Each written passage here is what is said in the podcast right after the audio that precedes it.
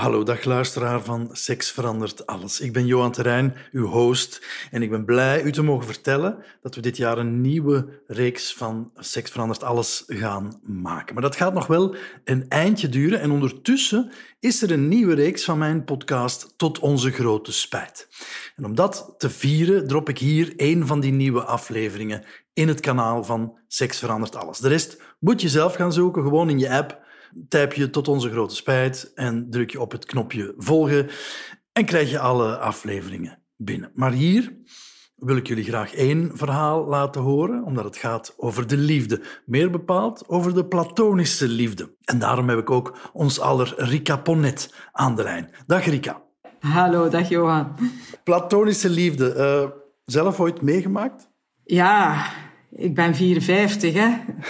Je maakt al eens wat mee zeg dat wel vaker, de, de, het niet geleefde leven of de niet uh, beleefde liefde, dat dat soms de meest heftige zijn. Hè? Dat, dat, ja, dat dat toch zeer ingrijpend kan zijn en dat je daar lang kan mee bezig zijn. Uh, ja. Misschien moeten we het even uh, definiëren. Hè? Wat verstaan we daar eigenlijk onder, onder platonische liefde?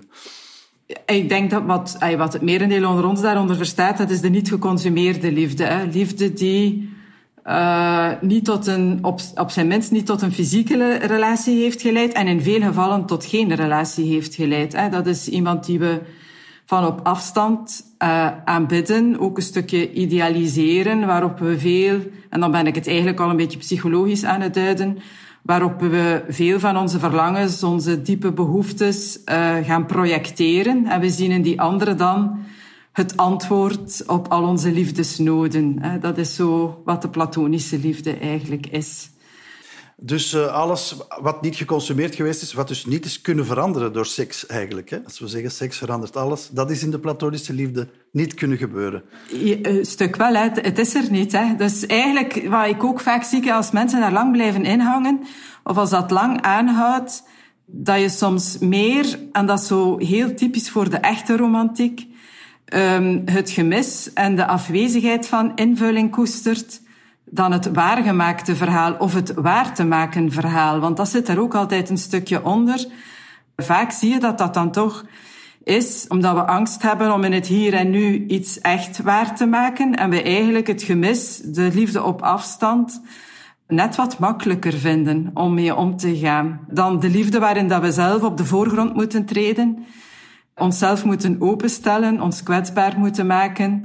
Ja, wat op afstand zit, dat, ja, dat is een stuk makkelijker. Dat zit een beetje veiliger, ja. Het is ook een vluchtroute, hè. Iets waar je altijd in je gedachten naartoe kan en waardoor je ja, de saaiheid of de vuile sokken en de zagerij in je huidige relatie, dat je daar een stukje kunt aan ontsnappen door uh, altijd opnieuw weer naar die fantasie te gaan. Hè. Had ik met haar toen of met hem toen dit of dat? Is een manier een beetje om aan de dagelijkse routine wat te kunnen ontsnappen, een vlucht. Ja, soms is het ook een stukje problematisch, denk ik, omdat het uh, er ook voor zorgt dat je het leven waar je nu in zit ook opnieuw op afstand houdt. En daar ook niet ten volle voor gaat. Uh, zolang je in die fantasie van het verleden, is ook een stukje een obsessie soms, zolang je daar blijft inhangen en aan vasthouden, zorgt dat er ook voor uh, dat je een stuk devalueert wat er vandaag wel is. En dat moet ook heel onaangenaam zijn voor de mensen die met jou samen zijn, maar eigenlijk ook voor jezelf. Want je wijst ook een stukje je eigen vermogen af. Hè. Je blijft heel de tijd zitten in, in een verlangen, in een projectie van wat liefde zou kunnen zijn, in plaats van in het hier en nu er effectief iets proberen mee te doen met wat wel kan, met mogelijke liefde, in plaats van de onmogelijke.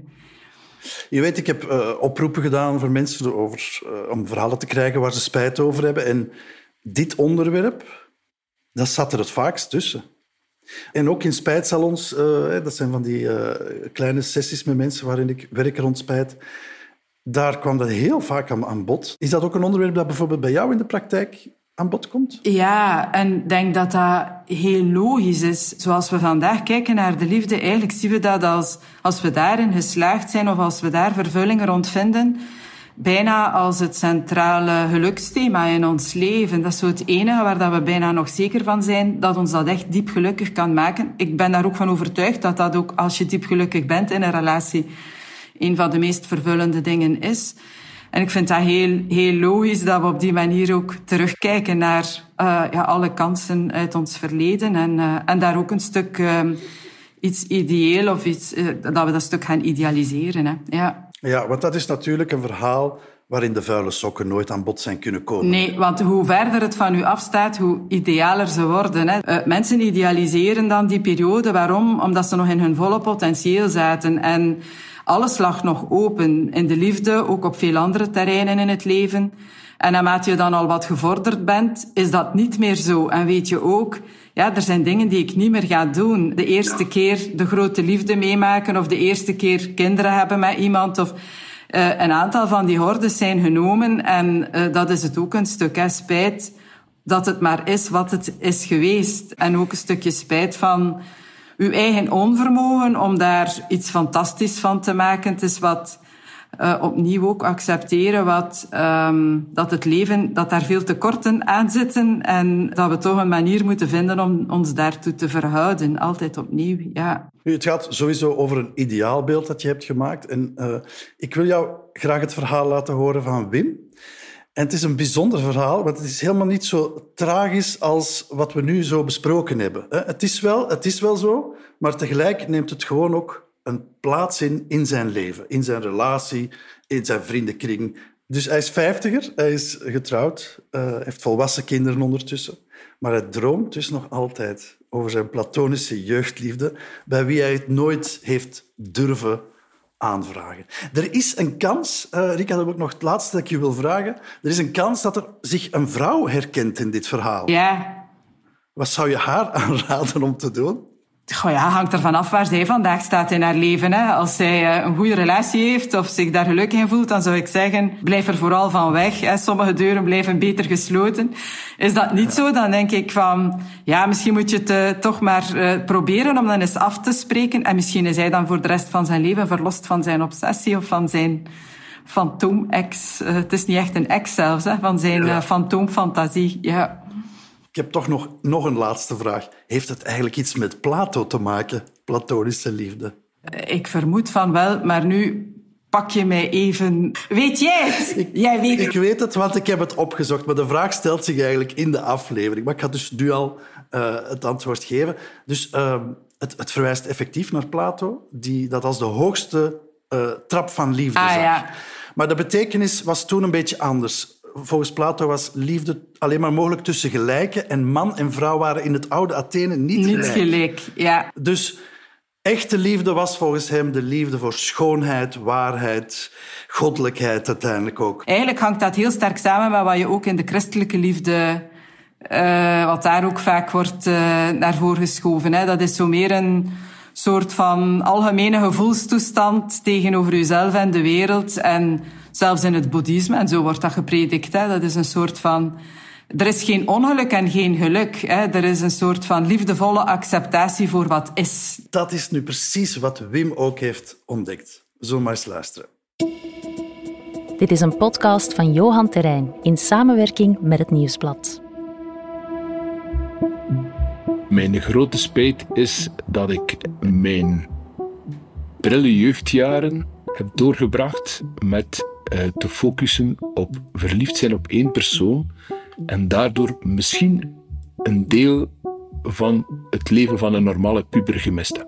Er is ook natuurlijk een zeer groot stuk spijt van waarom heb ik het gewoon niet gezegd. Uh, ik heb acht jaar, negen jaar, tien jaar gewoon in mijn hoofd iets platonisch ontwikkeld en uh, niets meer gedaan. Ben Johan Terrein en in deze podcast vertellen mensen mij over hun grote spijt. Van dingen die ze gedaan of net gelaten hebben. En waarvan ze het gevoel hebben dat ze zichzelf daarmee tekort hebben gedaan.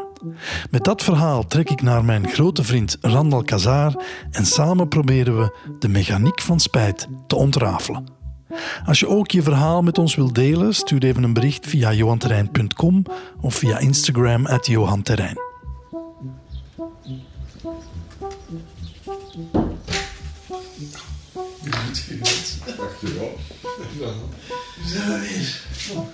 Vandaag stap ik het atelier van Randal binnen met het verhaal van Wim onder mijn arm. Wim is 52 en heeft nog steeds spijt dat hij die ene jeugdliefde nooit heeft durven zeggen wat hij voelde. Dit is tot onze grote spijt.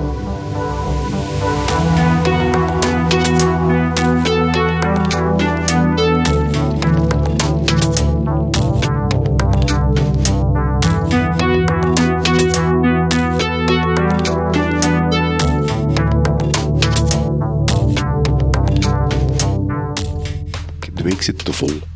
Uw week zit te Ja, vol. ja, ik heb elke dag een paar afspraken en ik hou het meest van Niks doen. niet niks doen, maar gewoon van een dag voor mij te hebben die ik vrij kan invullen. Dus je hebt spijt dat je te veel in je agenda hebt toegelaten. Ja, Waaronder ik. dat klopt, Johan. Ik voel me nu al een beetje schuldig. Ik denk het niet. ik geloof u niet. Maar eh, ja. Dus ja, dat is, dat, is mijn, dat is mijn vage spijt. Ja. Randal, ik heb vandaag een bijzonder verhaal bij. Over platonische spijt. Liefde ken ik, platonische liefde ken ik. En dan als we zeggen spijt, wat zou de platonische versie van spijt zijn? Ja, nee, je zet, je zet te filosofisch aan het doordenken, denk ik. Dat is op een level waar ik niet meer bij geraak. Nee, het gaat gewoon eigenlijk... Het is een verhaal over spijt van niet gehandeld te hebben in de liefde. Ja, Waardoor het platonisch gebleven is. Hè, ja. oké. Heeft dat eigenlijk met Plato te maken, platonisch? Prikkelend. Goeie vraag. Ik heb geen antwoord, ik zie het aan uw Ik gezicht. heb geen antwoord, maar de vraag is perfect. Ik wil daar wel tegen de volgende keer een antwoord op. Ja, we zoeken het op. Want ja, ik ken de, de platonische lichamen. Ken je Wat die? zijn platonische lichamen? Dat zijn de eh, x aantal essentiële 3D-vormen die je kan op zich repliceren en toch de ruimte vullen. Dus- een tetraheder bijvoorbeeld. Ja? Dan zet je x aantal tetraheders, die kun je helemaal naast elkaar plakken zonder dat er gaten in zitten. Welk deel van Langs de bevolking snapt nu uw uitleg, denk je? Oh, dat Iedereen denk die grafisch bezig is of zo. Eh, wiskundigen gaan dat ook eh, Ah ja, gemakkelijk Ik ben niet mee. Maar snappen. Ja. Ik weet zelfs niet of ik het juist uitgelegd heb, maar goed. ik heb, eh, ik heb het verhaal bij van Wim. Mhm. Eh, en hij is zijn hele jeugd lang platonisch verliefd geweest Ja? op een meisje uit zijn buurt. Dus hij heeft zijn allereerste verliefdheid op een hele bijzondere manier beleefd, namelijk helemaal alleen. Ja. je kent mijn filosofie daarover. Hè? Vertel ze nog eens. Ja, dus als ik nu verliefd ben op jou, maar ik spreek dat niet uit en ik doe daar niks mee, ik heb die verliefdheid toch. Die woont in mijn wezen en die geeft mij gevoelens. En dus dat op zich kan nooit fout zijn. Ja. Ja. Ik denk dat jij hele goede maatjes zou kunnen zijn met Wim. Ik ben benieuwd.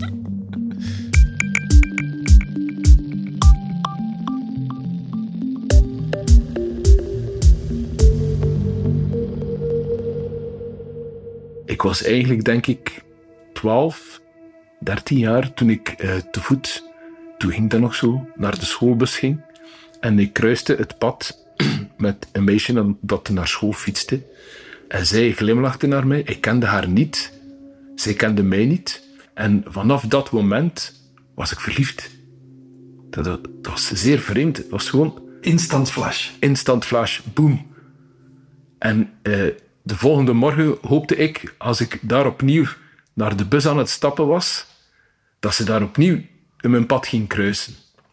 En soms gebeurde het zelfs als tiener dat ik, ehm, ik wist van tussen dat uur en dat uur, dat is de range waar ik er moest zijn. En dan bleef ik op de brug een beetje hangen om, en dan kon ik ze vanuit de verte zien komen en dan, dan spoedde ik mij toch naar die plaats om toch het moment te hebben dat we elkaar kruisten. Op een bepaald moment ehm, kwam ik ook tot de vaststelling, zij ging ook bijvoorbeeld de woensdag naar de bibliotheek. Je begon dingen over haar te ontdekken. Ja, ik begon, ja en, ik, en eh, in de bibliotheek kon ik zo... Dat was nog de, de, de tijd voor alles digitaal was. Dus er waren nog gewoon bibliotheekkaarten met je naam en je adres op. En dan kon ik op die manier over de balie glurend haar naam achterhalen en haar adres Dat was voor mij een schat aan informatie plots. Herken je, herken je zo die, absoluut, die, ja. die instant Ja, flash? Ja, ja, zo gewoon iemand zien en... Boef, wauw. Ja. Ja. Eigen aan die leeftijd? Mm, Misschien. Nee, nee, wacht. Ik was zelfs nog... Ik heb het nog meegemaakt als ik in mijn twintiger jaren was, denk ik. Ja. En het probleem was altijd, ik wist niet hoe dat je een openingszet moest doen. Ik wist niet hoe dat je contact moest maken.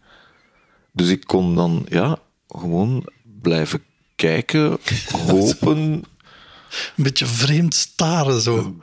Of ja, nee, maar ja, ook niet. Discreet, hè, joh. Discreet staren.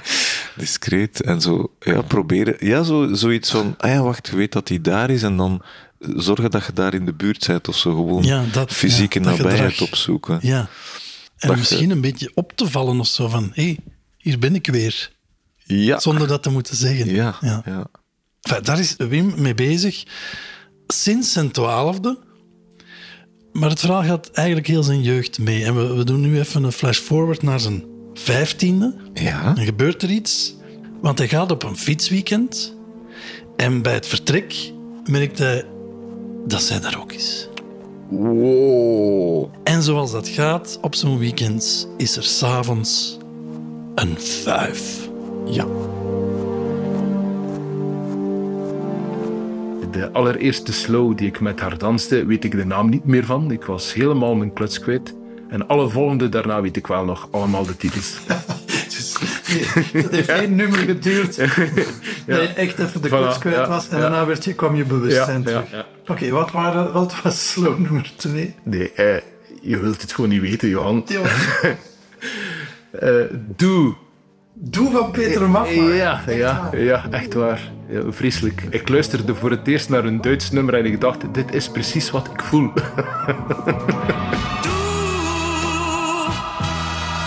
Du allein kannst mich verstehen. Du Natuurlijk, doe Ja. alles. Ja. Ja. Van de wereld, ja. En, eh, maar goed, en, en dan kwamen er nog eh, allerlei nummers na. Angel Eyes van, eh, denk Wet, Wet, wet, wet. Ja. ja. Eh, George Michael, A Different Corner. Heb je toevallig nog een playlist op Spotify met die nummers eh, gemaakt? eh? Ik heb wel een, zo nog een oud cassetje waar die, al die nummers op staan. Ja, dat heb ik wel nog. Meer zelfs, er was op de lokale vrije radio toen een programma waar je je slow top 10 mocht insturen. En ik stuurde wekelijks diezelfde lijst. al die nummers, ja. Wat mij bezighoudt en wat de mensen in mijn omgeving vaak tot lachen aanzet, zij moet het op een bepaald moment ook geweten hebben. Die Hanse reeks met slows dansten wij met elkaar ik, ik kan het nog steeds voelen. Zo van, ik voel het, voel jij het ook? Eh, wat nu? En eh, Je voelde het bij jezelf, maar voelde je het ook bij haar? dat weet ik niet. Nee. Dat weet ik niet, maar ehm, zij was ook niet verplicht om die dansen met mij te slijten. En dan zeg ik, gaan wij iets drinken? Hè? En eh, ik bestel twee drankjes en we zetten ons in een donker hoekje van die, eh, dat was in een discotheek. En wij zaten daar met ons twee helemaal alleen, gezellig in een hoekje te praten over onze toekomst. Over wat we zouden studeren eh, het jaar daarna. En toen was er misschien een kleine kans dat wij hetzelfde gingen studeren. Achteraf gezien moest, moest je op dat moment iets meer gedaan hebben. Moest ik iets gedurfd hebben, iets gezegd hebben. Ik heb het niet gedaan. Als je, als je, als je de vraag stelt, spijt, op dat moment, oh, na die avond ben ik naar huis gegaan, gebroken van de spijt. Ik zie mij nog de brug overrijden. Ik was 17 jaar. Ik zie mij de brug overrijden met mijn hart eh, in, in, in stukjes.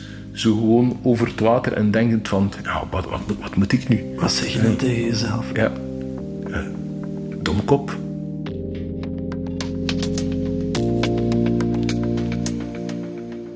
Ja, domkop. Ze heeft tien slows met u gedanst. het is in orde, het is gebakken, het is klaar. Ja. Maar ik ken wel dat je nog niet weet. Dat dat zo is? Ja, of dat je de zinnetjes nog niet hebt, of, Ja. of de moves. Of, of, Of zo, dat je te zenuwachtig bent? dat je te zenuwachtig bent. Oh, zeg. Maar ja, al is zo'n hoop slows samen dansen. Ja. Ja, ik herken de wereld heel erg die hem beschrijft. Ik heb constant zo flashbacks en, en ik merk met enige vreugde dat zo, ah ja, oh ja, bellen naar de vrije radio en dan een nummertje aanvragen voor je vrienden. En dan weten dat die zitten te luisteren. Dat was een soort Ja. eh, social media eigenlijk. Dat was uw zaterdagnamiddag eigenlijk, hè? zo was dat toch? Allee, zo voordat je echt uitging en zo, was dat Ja. toch hetgeen wat je deed? Ja. Dus wat ik nu hoor, is eigenlijk, dat, zijn mooie herinneringen aan een jongere versie van uzelf, Ja. die Naïef verliefd is. naïef Ja. verliefd en nog niet zo contactvaardig of zo. Of, Ja. Wat natuurlijk ook heel hard opvalt, met haar fijne details, hè? ja. Zo die volledige playlist nog weten. Dat vind ik wel straf, hè? Toch? Ja, ja dus, dus hij was. eh, alle energie die in zo'n eh, jeugdig lichaam zit, was helemaal gericht op eh, zoveel mogelijk informatie Ja. verzamelen, Ja. bijhouden. Dicht bij haar dicht zijn. bijhouden, ja. Maar daar dan niks doen. ja. In een normaal leven zou je denken, ja, goed. En op een bepaald moment komt er dan wel eens iemand anders voorbij, Mhm. hè, die u meepakt in haar verhaal. Maar niet in dit verhaal. Dus die- zij ging in Gent studeren. Eh, ze komen van onder Kortrijk, hè, dus Wim ging in Brussel studeren. En ze zagen elkaar op de trein. Ah, Wim hoopt altijd dat zij op dat perron gaat staan. En wanneer zij dan afstapt in Gent en hij verder spoort naar Brussel, Ja.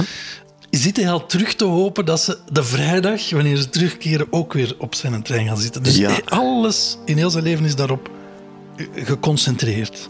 Ik vroeg me dan ook af, Wim, had jij geen vrienden die zoiets zeiden van, "Man, manneke, maak dit Doe nou een keer iets. Eh, tuurlijk wel, tuurlijk wel. Maar eh, ik deed dat niet, ik durfde dat niet. Ja. Nee. En het idee was gewoon, eh, het, idee, het, eigenlijk het, het allesomvattende idee was, ik ga verliezen. Ik ga iets verliezen.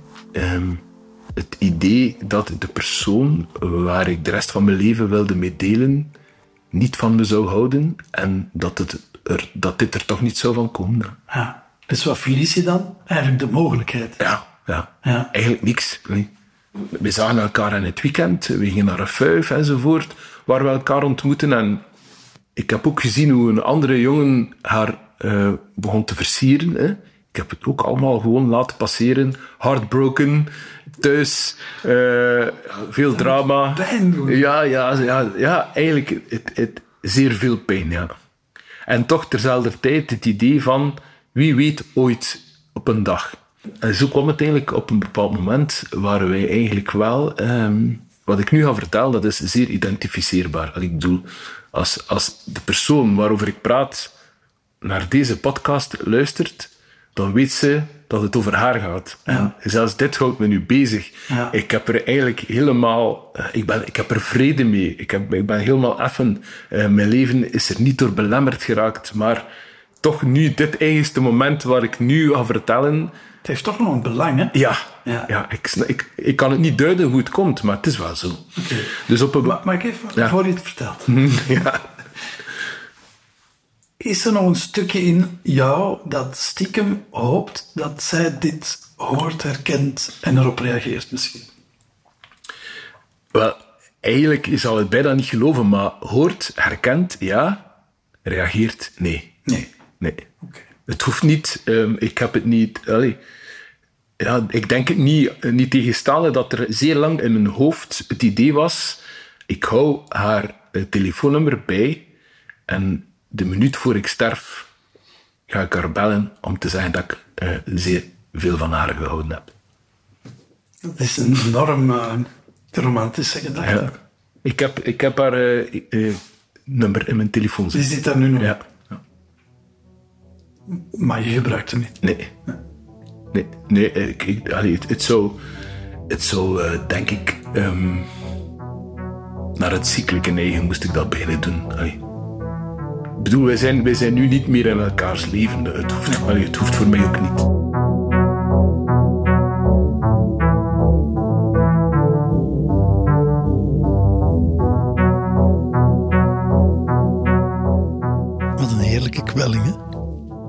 Ik, ik kreeg zo'n beeld van, hè, hij heeft er een engel van gemaakt eigenlijk.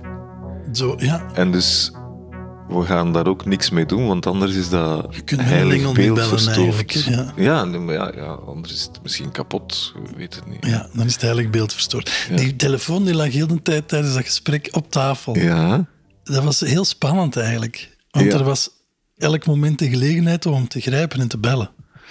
Maar niet gebeurde. nee. Maar eh, natuurlijk, we hebben het verhaal nog niet gehad. Hè? Het Nee, nee, nee, herkenbare nee, nee, nee. verhaal. Ja, ja, ja, ja. En dan moeten we natuurlijk nog even te weten komen. Ja, en we willen dat ook graag laten horen. Want wie weet, wat zetten we daarmee in gang? De opleiding die ik volgde, ik moest een herbarium maken.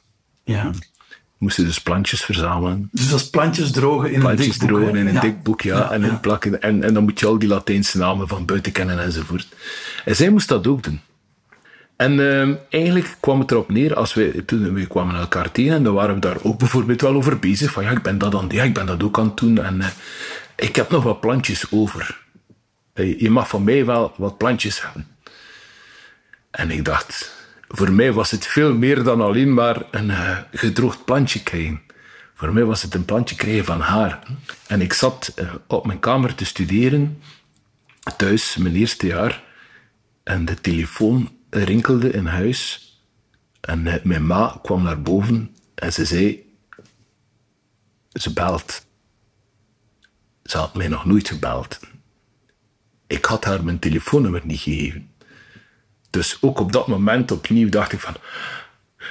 Wat gebeurt er? Dus ik had het toen, toen werd er afgesproken van ja, kom je naar mijn huis, ehm, we gaan wat plantjes uitwisselen. En zo komt het dat in mijn herbarium mijn favoriete plant er één is, waar erbij staat, niet verzameld door Wim, maar verzameld door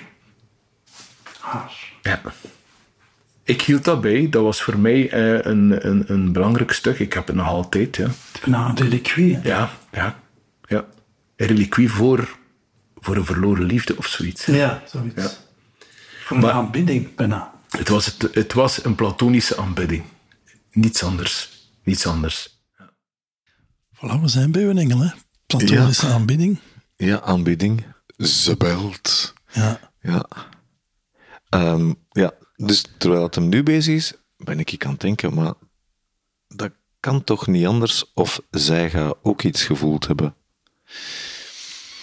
In zijn hoofd is dat een raadsel. Ik denk dat ook. Ja. Bedoel, je kunt Ja. niet anders. Als je tiensloos danst, dan heb je ook zoiets van deze jongen vind ik wel leuk. Ja. Ja. Op zijn minst toch. Ja, en plantjes uitwisselen. Ja, en kom je naar, kom je naar mijn herbarium kijken. maar... Mocht daar zo niet bij lachen. Die gaan, die gaan we opschrijven voor de jeugd. Het is wel grappig, want dat hoorde misschien ook al rakelings eh, in dit gesprek. Dus dat is heel aanwezig, dit verhaal in Wim zijn leven. En dus ook in zijn gezinsleven en ook onder zijn vrienden. Ja. Dus hij vertelt ook hoe regelmatig mensen daar eigenlijk, net zoals wij nu, eigenlijk om moeten lachen. Ja, En hij vindt dat ook niet zo heel erg. nee, maar ik vind dat ook niet belachelijk. En ik ben ook aan het denken van, ja, maar dus, eh, hij is nu 50 jaar. Hij heeft van toen als hem 12 was, een vuurtoren in zijn, in zijn leven. Iets dat altijd een eikpunt blijft. Ja. Altijd een referentie. En iets dat in een brand ook, hè? Ja. Ah ja, vuurtoren. Heel Vuurtoren. beeld. Brand. Ja. Ja. Want nu nog, Randal, schrijft Wim gedichten voor haar. Wat zie ik het daar? Ja. En, dus, en ik heb hem gevraagd om zo het gedicht voor te lezen dat hij dan had geschreven over de papaver, de gedroogde plant die hij van haar heeft gekregen. Mocht ze luisteren, hier is een gedicht voor jou. Ik had je lief. Ik had je liever. Dat staat nu toch zo goed als vast. Dan jij mij. Toen je mij die klaproos gaf, frille blaadjes rond het naakste hart, en ik vreesde voor het breken, sloten lippen zich voor eeuwig rond de letters van je naam. Nooit nog had ik iemand liever, dat staat nu toch zo goed als vast, gezegd waar het op stond.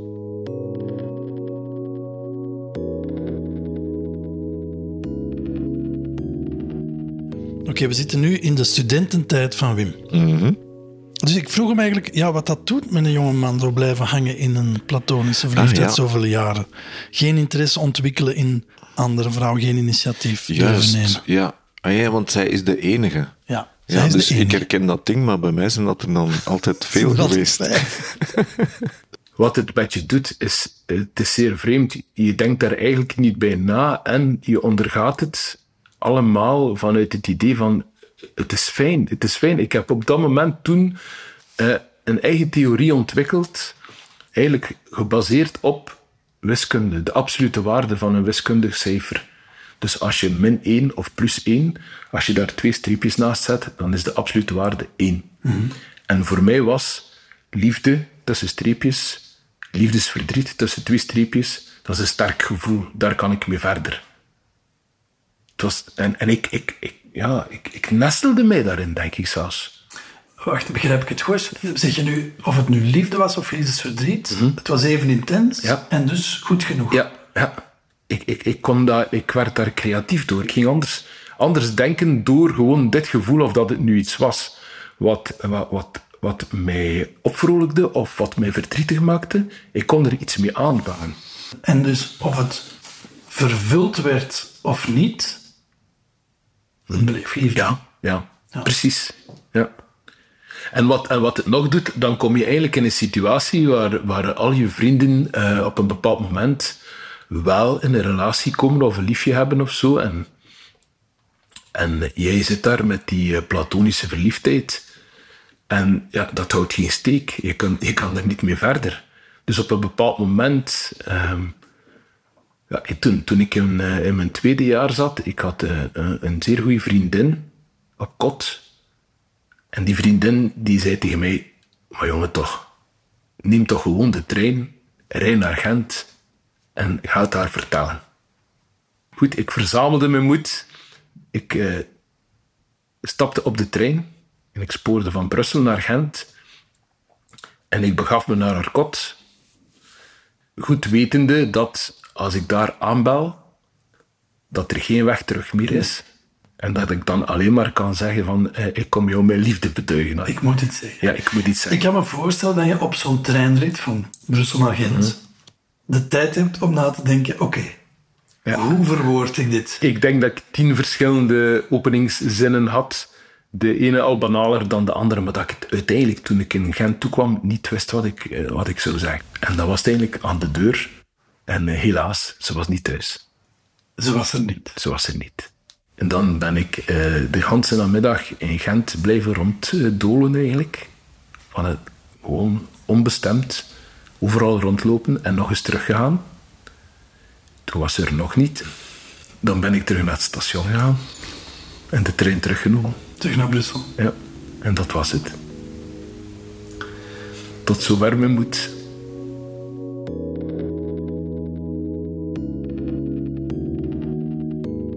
Onderweg op de trein oefende ik mijn pointe naar je verbazing, toen ik daar op de dorpel met de liefde leurend thuis zocht te komen. Er was kans op gestamel, op een goede afloop. Beiden één op twee.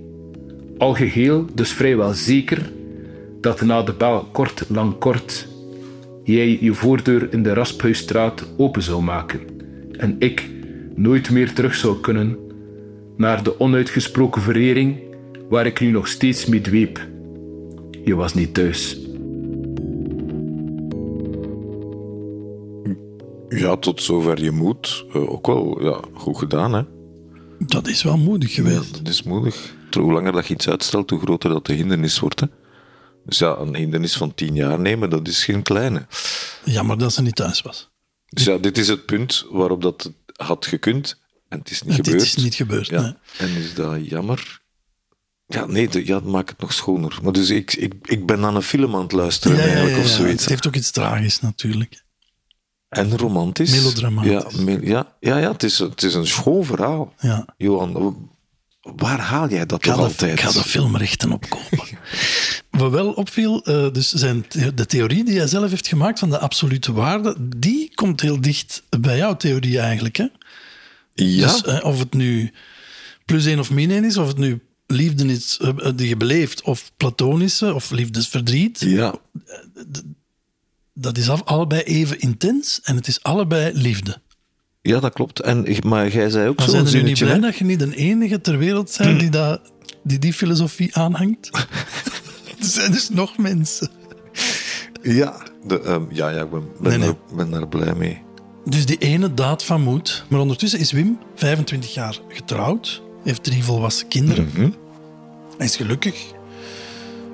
Dus ja, ik wilde natuurlijk weten waar die spijt nu eigenlijk echt over gaat. En dat was nogal een worsteling eigenlijk om daarachter te komen. Ja. Ik herinner me de laatste keer dat ik haar gezien heb. De laatste keer dat we per toeval ook in het weekend uitgingen en in een, in een café aan de toog met elkaar hebben gepraat. Ik weet zelfs nog dat eh, Freddie Mercury Living on My Own zong.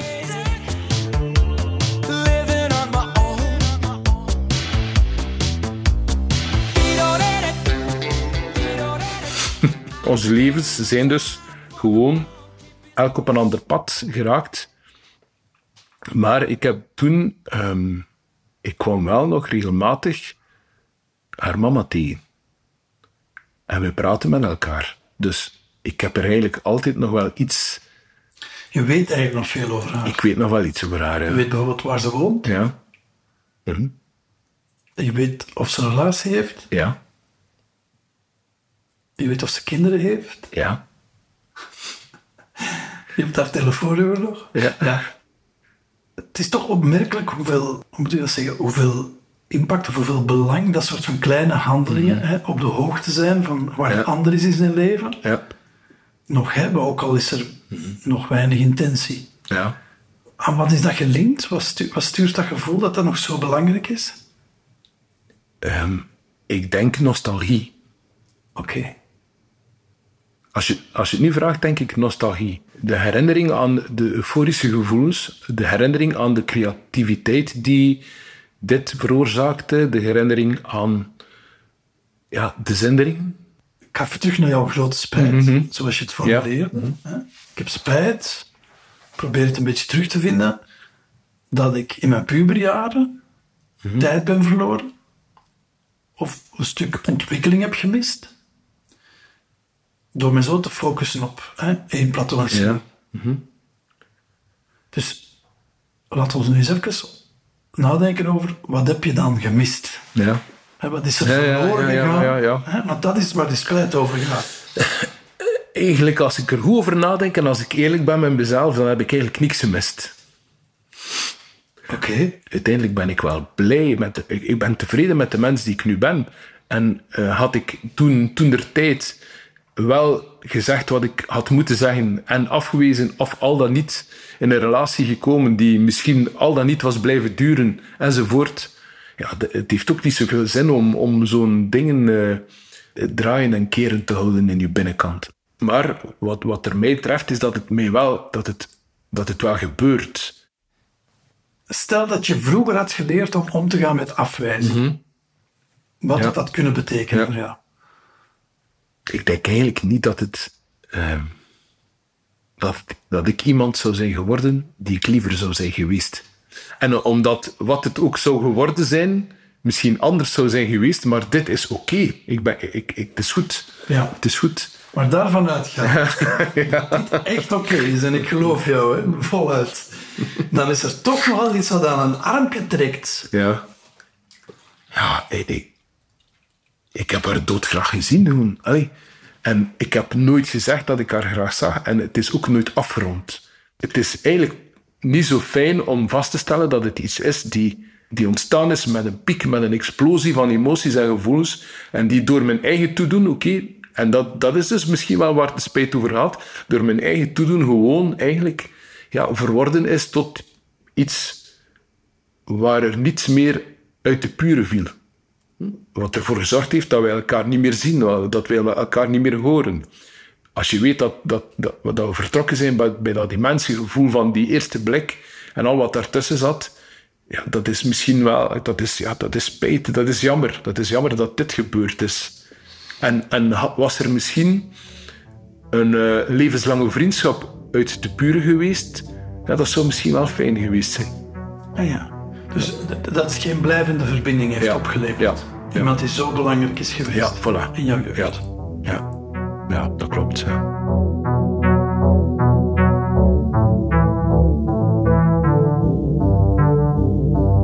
Ja, dus hij draagt dat nog altijd allemaal. Heel schoon, vind ik. Allee, ik bedoel, dus goed verteerd. Maar zo... De andere partij, diegene die dit, dit bij mij in gang gezet heeft, zou mogelijk van niks kunnen weten. Ja. Ik krijg meer en meer goesting om die dan toch maar te bellen. Je zou dat denken, hè? Maar dus ik, op dit punt in het verhaal, geloof je dat we de spijt vast hebben? Dus ik- nu kan, nu kan ik me iets voorstellen van, ah, dat is jammer dat hij niks weet. Maar ja, dat is nog altijd, als dat een werkelijke spijt is, is dat dan altijd niet zo'n technisch onoverkomelijk probleem. Of heb je gewoon opnieuw een paar kilo's moed nodig? Ja. Ik dacht, we hebben hem nu vast, de spijt. Dus kun je er iets mee doen, nu dat je dat weet. Ja. Maar ja, Wim is wel een doortrapte romanticus, hè? Zeer zeker. dat is het minste wat je van Wim kunt zeggen. Dus ja, als hij er graag in zijn leven wil, hè, als iemand belangrijk uit zijn jeugd, die weet wat hij allemaal gevoeld heeft, maar die dat oké vindt, en hij heeft haar telefoon nog, ja, dan zouden we verwachten dat je eens belt, zeker. Ik zou het te opdringerig vinden. Ah ja, je hebt een schroom. Ja, maar schroom, schroom het, is, het is geen schroom. Het is, nu, is, nu is het echt niet van niet durven. Alhoewel, nu, nu komen we op een gevoelig punt. nu komen we op een gevoelig punt. Ik ga er toch op doorgaan. ja, ik weet het. Ja, ik Sorry, weet het. Ja, ik weet het. Sorry, echt, hè. ik weet het. Ja, Je mag me achteraf slaan. Maar, ja, dus ja oké. Helemaal klaar voor. wat je nu doet, is zeggen, helemaal op het einde van mijn leven ga ik dat telefoonnummer gebruiken. Ja. Ik had haar vragen, heb je het geweten? Wat zei je daarmee? Wat zei daarmee, Wim? Ja, ik, ik heb daar eh, een. eh, het, het zal enige rust in mijn gemoed brengen. Maar dus, we hebben nog een... Allee, wij zijn ongeveer even hè, dus we hebben Ja. toch nog een eind te gaan. Allee, ho- hopelijk, ja, hopelijk, toch, ja. is. Dus, dus daar komt nog een stuk leven aan. En je bent bereid om daar niks mee te doen. Ja, Want die kans is voor u weg. die kans is weg, ja. En dan, dan moet je mij eens uitleggen, waar ligt dat aan? Omdat wij elkaar niet meer zien. Ja, Maar je hebt haar telefoonnummer. ja maar goed. Ja. ja. Ik, ik, kan, ik kan om de zoveel tijd naar het telefoonnummer kijken en denken van... Ik ga, de- ik ga bellen. Het gebeurt, Dat gebeurt. Het gebeurt. Het gebeurt dat ik mijn telefoon neem en dat ik, dat ik denk van... Ik ga bellen. Maar dan, da- daar loopt het mis. Allee, daar loopt het mis. Daar, daar stopt het ook. Want dan is het gewoon van... Ik, ik, moet eigenlijk wel eerst over het verhaal brengen van... Maar dat denkt jij, hè? ja, nee, ik ben... Maar ja, die- dat is toch zo? Maar natuurlijk weet hij dat, die, dat je verliefd wordt.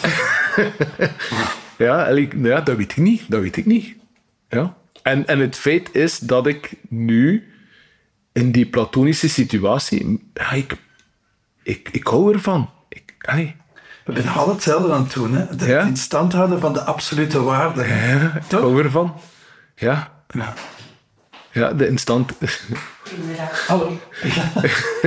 We zijn bezig over het in ta- in stand houden van de absolute waarde van de liefde.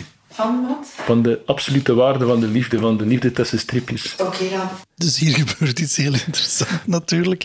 Plots komt zijn vrouw binnen Ja. in het gesprek. Ik dacht natuurlijk eerst... eh, oei, dit, dit gaat het gesprek lam leggen. Eh, maar niets is minder waar. eh. Ze is van op een afstand het gesprek blijven volgen. En eh, Wim zal verder vrij uitspreken, want het is, het is echt een deel van hem. Ja, hij vreest dat er iets gaat verdwijnen. Ja. Hij is opnieuw bang om te verliezen. Hè? hij maakt... Ah, misschien maakt hij wel een beetje een fout. Want dus... Allee, Wim, stel u nu voor dat er iemand u contacteert om te zeggen... Goh, je bent zo belangrijk geweest in mijn leven. En je wist misschien van niks, maar ik wil u dat gewoon laten weten. Dat is toch een cadeau? Of allee, ik zou dat een cadeau vinden. Dat, het gebeurt mij af en toe. Ja. Nee, nee, maar zo, eh, mensen die zeggen van... Ah, maar ik kende, ik kende uw werk in die tijd en dat was belangrijk. En ja, ik hoor dat graag. Tuurlijk. Ja. Maar Maar dat dus- betekent niet dat wij dan direct een relatie moeten beginnen of zo. Nee, nee. Maar ik heb twee dingen gehoord nu. Hè? Hij is bang omdat hij opnieuw eigenlijk het verhaal zou moeten vertellen van 40 jaar terug. Mhm. Is het 40 jaar? Nee, pak 35 jaar terug. Ja. Ehm, dus daar zit nog altijd een beetje angst voor afwijzing. Ja, Maar twee, hij eindigt ook met te zeggen: Ik hou van die platonische situatie. Dus Ja. hij is ook bang om de platonische situatie te verliezen. ja. Maar dus ik denk dat dat de denkfout is. Dat hem zei, hij heeft ze. En die gaan niet weg. Dat is het, want, want de persoon met wie dat hij die platonische liefde beleeft, die bestaat toch niet. Die bestaat, allee, die bestaat in hem alleen maar. Dat is die engel die hij Die heeft ander gemaakt. is de Ja. mens. Ja. Ja. En tegen die mens kunnen we wel zeggen, ah, merci. Jij bent lang een engel geweest. Wat een rit hebben wij meegemaakt. Ja. ja. Ja. En, en ik denk niet dat het een het ander zou uitsluiten. Maar goed, hij mag kiezen. Het gesprek gaat verder. In de aanwezigheid van zijn vrouw. Oké. Ja, goed. Er is een gat van 25 jaar. En dit vul je niet zomaar op met, met je telefoon te nemen en te zeggen: Hallo, hier ben ik. eh, kunnen we vanaf nu gewoon vrienden zijn? Nee. Ja. Dus je hebt het gevoel dat het op dat vlak een beetje verjaard is. Het is verjaard, ja.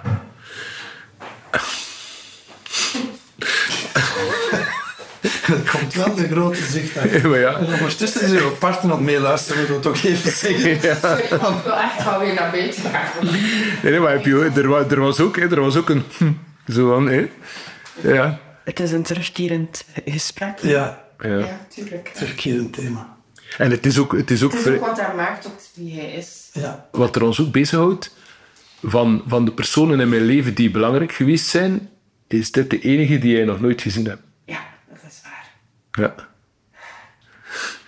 Dus, e- en eigenlijk creëer je een, eh, een ideaalbeeld. Wat is Laura van Petrarca, hè? Zij is Laura van Petrarca, als wie zij is. En laat, laat ons haar dat maar blijven, Ja. denk ik. Dat is zo, zo- ik heb dat van in het begin zo gezegd, van dat is, of dat is die figuur waarin, ehm, van Gabriel Marquez, waarin hij voor het eerst zijn liefde in een spiegel ziet en dan die spiegel koopt. Dat is die vrouw in zijn leven. Dat is wie dat, dat Ja. is. Waarom zou ik het nu nog doen? Ja, misschien was dat voor haar, maar van, ja goed. Is een passant in mijn leven. Hè. Ik, ik, wil, ik wil niet. Ook dan wil ik niet. Afgewezen worden. Dat er geen schouder omhoog gaat dat zegt, "Pff, is dat maar weg. Voilà, voilà, ja. ja. Allereerste angst om te worden afgewezen, die altijd is blijven hangen.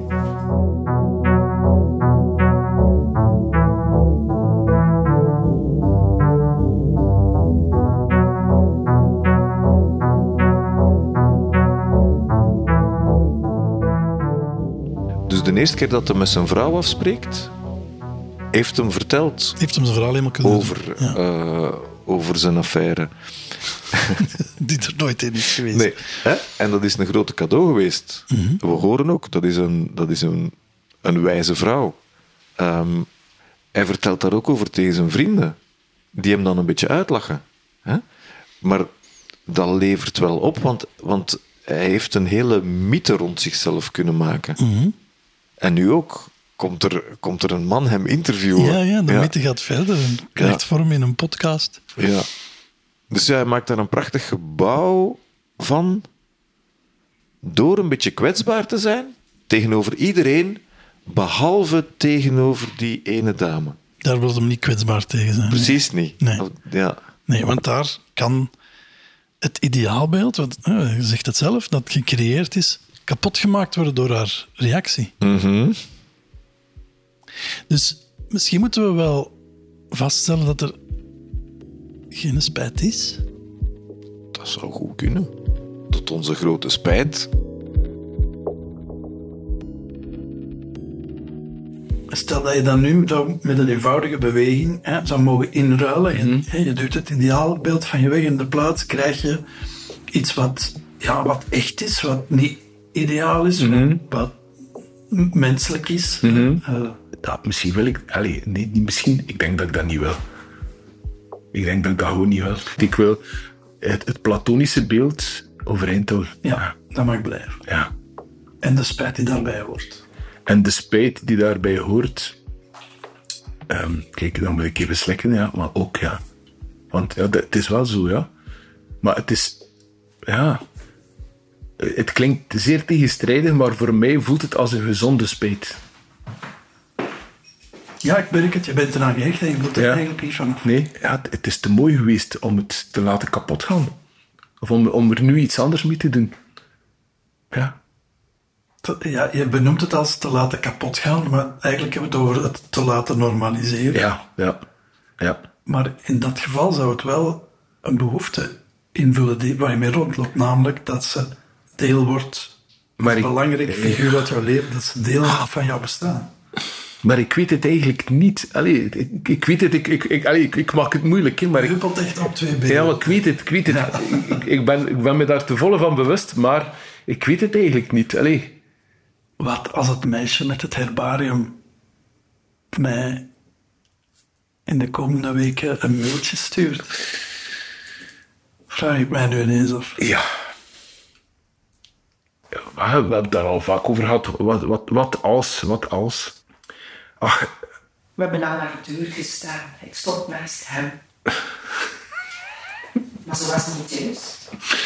Is dus nog eens een poging. Maar nee, nee, nee, dat is niet waar. Dat is niet, de- de- het is geen poging meer geweest. Eigenlijk is het zo.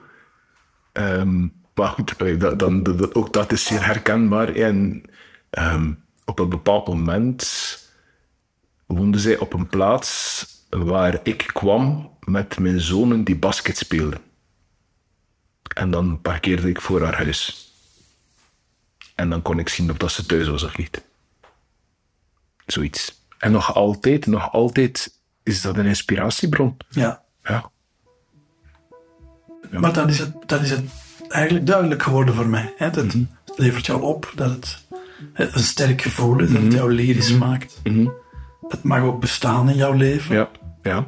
Je vindt ook niet erg dat er af en toe mee gelachen wordt. Mm, nee. Het is een essentieel deel van jouw bestaan. Mhm.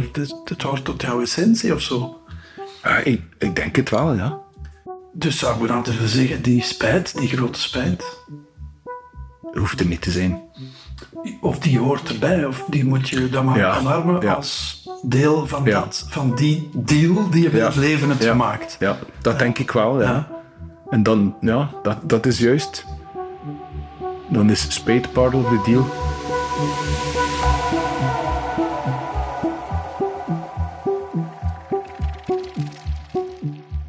Ik heb spijt, maar ik heb hem graag. Ja, dus het is, het is ooit wel echt een knagende spijt geweest, Ja. uiteraard. Ja. hè. Helemaal in het begin van het verhaal. Maar hij is het graag gaan zien. Ja, ik noteerde niet daar straks het woord sublimeren.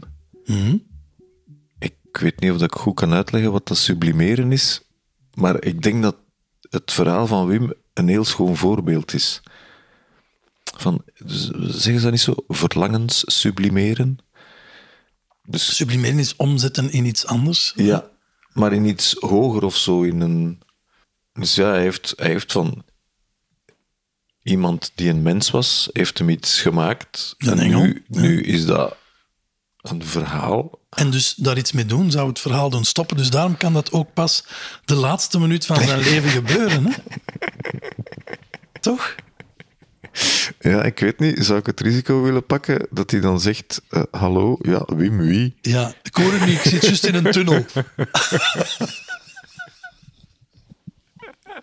en dan, en dan eh, de pijp uit. Ja, nee, nee, maar ja, goed, dat hoort ook, hè, dat ding van op je sterfbed, dat hoort dan ook bij dat verhaal.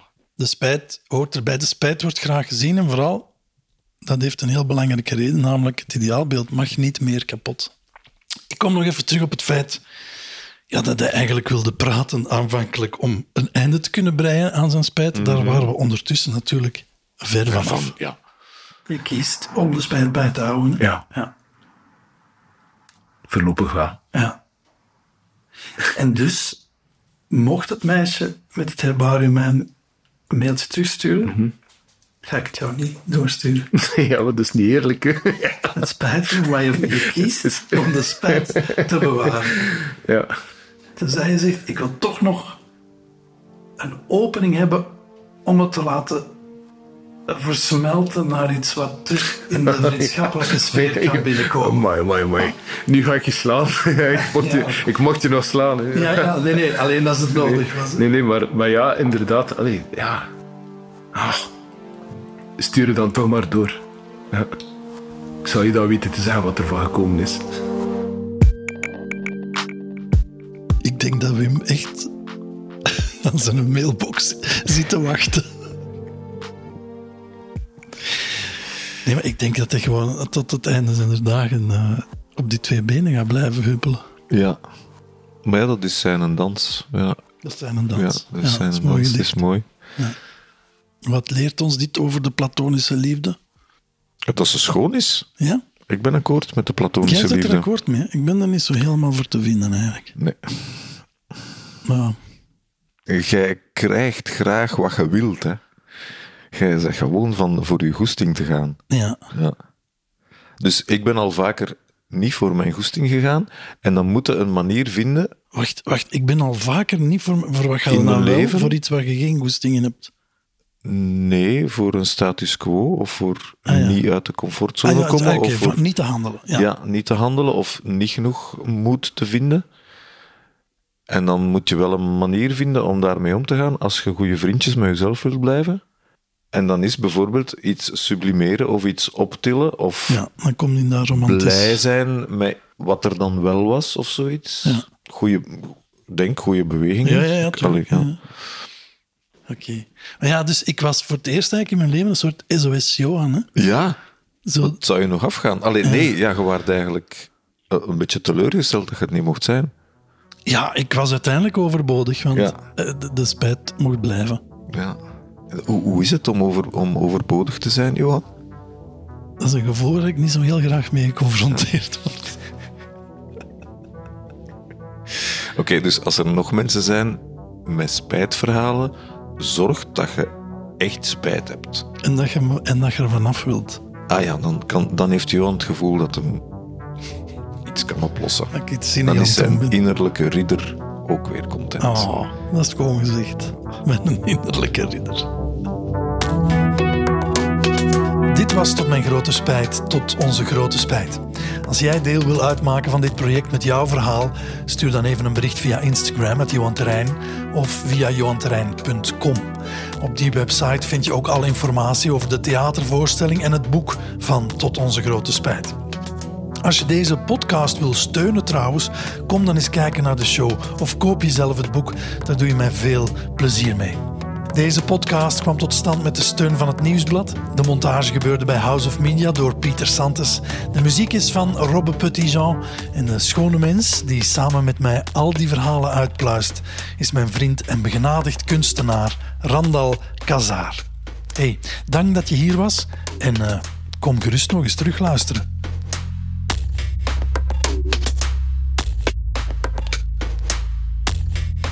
Een innerlijke ridder heeft een hongerke. Ja, de mijne ook.